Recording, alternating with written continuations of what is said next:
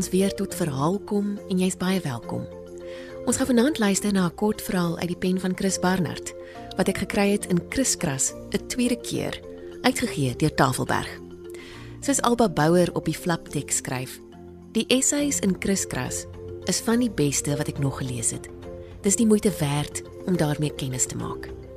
Ons het verlede week geluister na die essay Blou Maandag en vanaand hoor ons die daaropvolgende een in die bundel wat Chris Barnard noem Drie varke reis te same. Andri Herbst skuif weer agter die mikrofoon in. Geniet dit.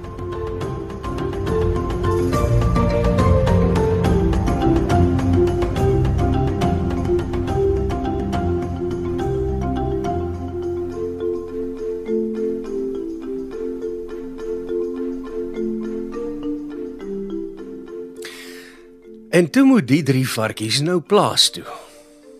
Na 'n week in die motorhuis was dit ook hoogtyd. Die huismense het begin kla. En selfs die bure het mettertyd 'n bietjie agterdogtig oor die heining kom loer. So wat van kiel op sit darm. Dit was genoeg om 'n mens van vooraf te laat besin oor die wenslikheid van 'n varkboerdery. Sy dit dan nou ook in die hartjie van die Bosveld. Nee, het die huismense besluit. Hulle ry geen saam as ek die drie lawaaibekke plaas toe neem nie. Sê nou net die goed skop heelpad so lawaai op. Goed, dag ek. Dan loop vra ek vir Hermanus. Hy is altyd maar te bereid om 'n vriend uit die verknorsing te help. En Hermanus willig in. En dou voor dag die Saterdag daag hy op, gesteweld en gespoord.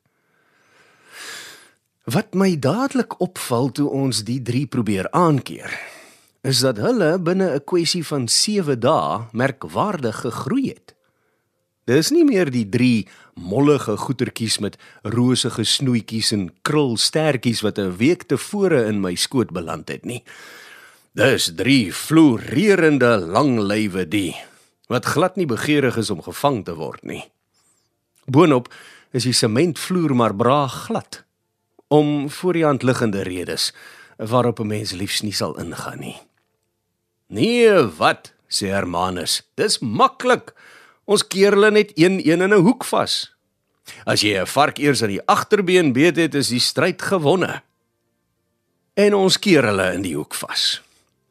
En asof iemand 'n teken gegee het, gryp ons elkeen te gelyk na 'n agterbeen. Na dieselfde agterbeen. Ongelukkig.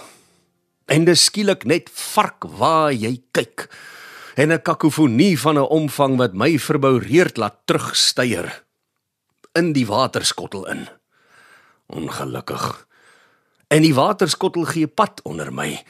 En ek probeer met my ander voet vasstrap, maar die is ongelukkig nog swakker gefundeer en ek ploeg tussen gister se koolblare en diverse ander afval deur en Hermanus probeer keer, maar ek ploeg sy voete netjies onder hom uit. Hy val met vark en al, maar wat hou is hy.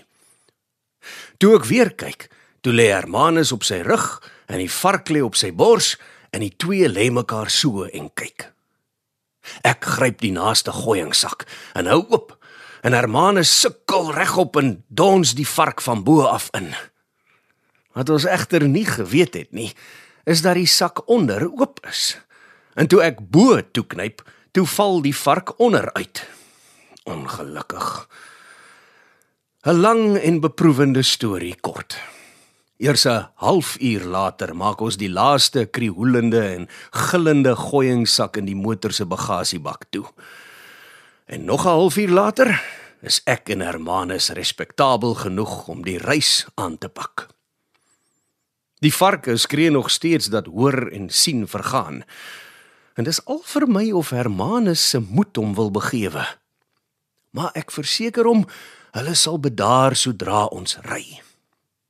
'n Totale mistasting. Ongelukkig. Want toe ons ry, toe is dit of die drie vir die eerste keer die volle omvang van hulle onderskeie registers ontdek. Maar ek en Hermanus hou onsedig en ons vaar die verkeer binne. Terwyl ons aan die beweeg is, trek ons nie so waffers aandag nie. Maar soos die noodlot dit wil hê, is al wat verkeerslig is hardnekkig teen ons. En dis elke keer met die stilhou slag dat die probleme begin. Want die varke skree vir 'n fale. En iemand wat nie 'n vark se gillery ken nie, kan maklik dink ons is besig om die een of ander onskuldige slagoffer in ons bagasiebak te ontvoer. Dit maak nie saak waar ons kyk nie. Almal se oë is op ons. En daardie oë is die oë van mense wat by voorbaat reeds 'n oordeel gevel het. Maar ons hou ons waardig, ek en Hermanus. En ons gesels oor die katarsis belewing en enkele dramas van NP van Wykelou. By die derde rooi robot kan 'n besorgde tannetjie in die motor langsaan dit nie meer hou nie. En sy draai haar venster af en luister versigtig. En wil skielik driftig weet wat ons aan die doen is. Ons ontvoer 3 weeskinders. Beduie Hermanus vir haar en draai sy venster op. En die tannetjie skrik so groot dat sy haar moeder laat vrek. Tot almal agter haar se toetende ontsteltenis, want die robot word groen en sy is klaar blyklik meer geïnteresseerd in die lot van ons skreeuende slagoffers as in die verkeersknoop wat sy veroorsaak. Die verkeersligte word mettertyd minder, genadiglik. En uiteindelik is ons op die oop pad. En dit doen nogal heelwat om my en Hermanus se selfvertroue te laat terugkeer. Maar die drie varkies kan skynbaar nie van dieselfde gewaarwording getuig nie. Want hoe verder ons ry, hoe benouder word hulle pleidooie. En ek besef weldra 'n Vark hoef nie wat wonders geartikuleerd te wees om nood te kan verkondig nie.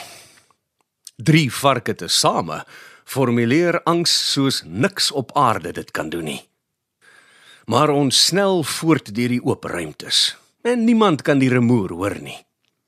Met 3 kwart van die pad agter die rug begin die varke stiller word en al stiller totdat Hermanus later bekommerd na my kyk.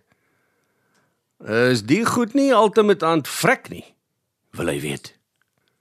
Ons luister en ja, iets is anders. Die noot het 'n soort misere geword. En ons hou stil. Albei van 'n geaardheid synde wat selfs vir 'n vlieg min skade kan inhou. Toe ons die bagasiebak oopmaak, soek drie bleek snoete ingelid na vars lug. Die gooiingsakke het skynbaar nie gehou nie.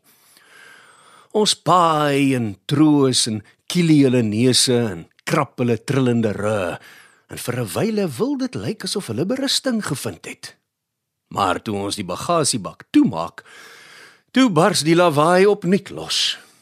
En die keer is hulle protes van 'n omvang wat hoor en sien laat vergaan. Die motor wieg eintlik soos hulle worstel om uit te kom. Wat doen 'n mens? Los hulle in die stuk onherbergsame veld sodat rondloper honde en jakkalse en ongediertes hulle kan vang? Dit tog nie. Jy het geen keuse nie. Jy druk maar deur. Dis buitendien nie meer so ver nie. Die enigste probleem is daar lê nog 'n dorp tussen ons 5 en ons bestemming. Ons ry en die dorp is skielik daar. En ons is skaars die dorp in of die verkeerskonstabel is daar. En hy hoor die onaardse remoer en keer ons voor. En almal sien ons word voorgekeer en almal hoor die remoer en storm nader.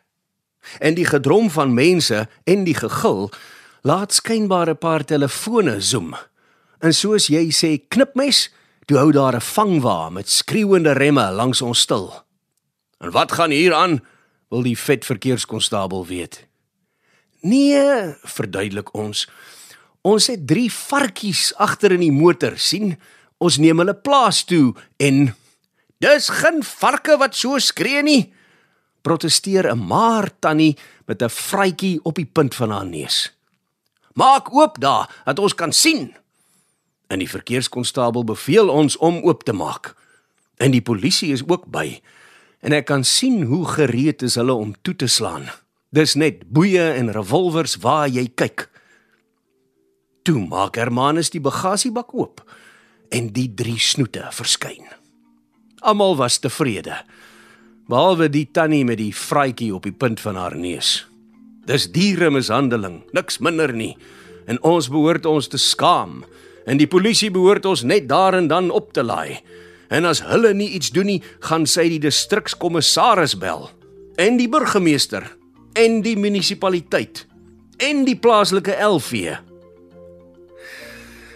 Dis die eerste keer in my lewe dat ek met my eie oë aanskou het hoe 'n deftige konstabel op 'n blink motorfiets met loeiende sirene drie gillende varke 14 km ver na hulle eindbestemming begelei.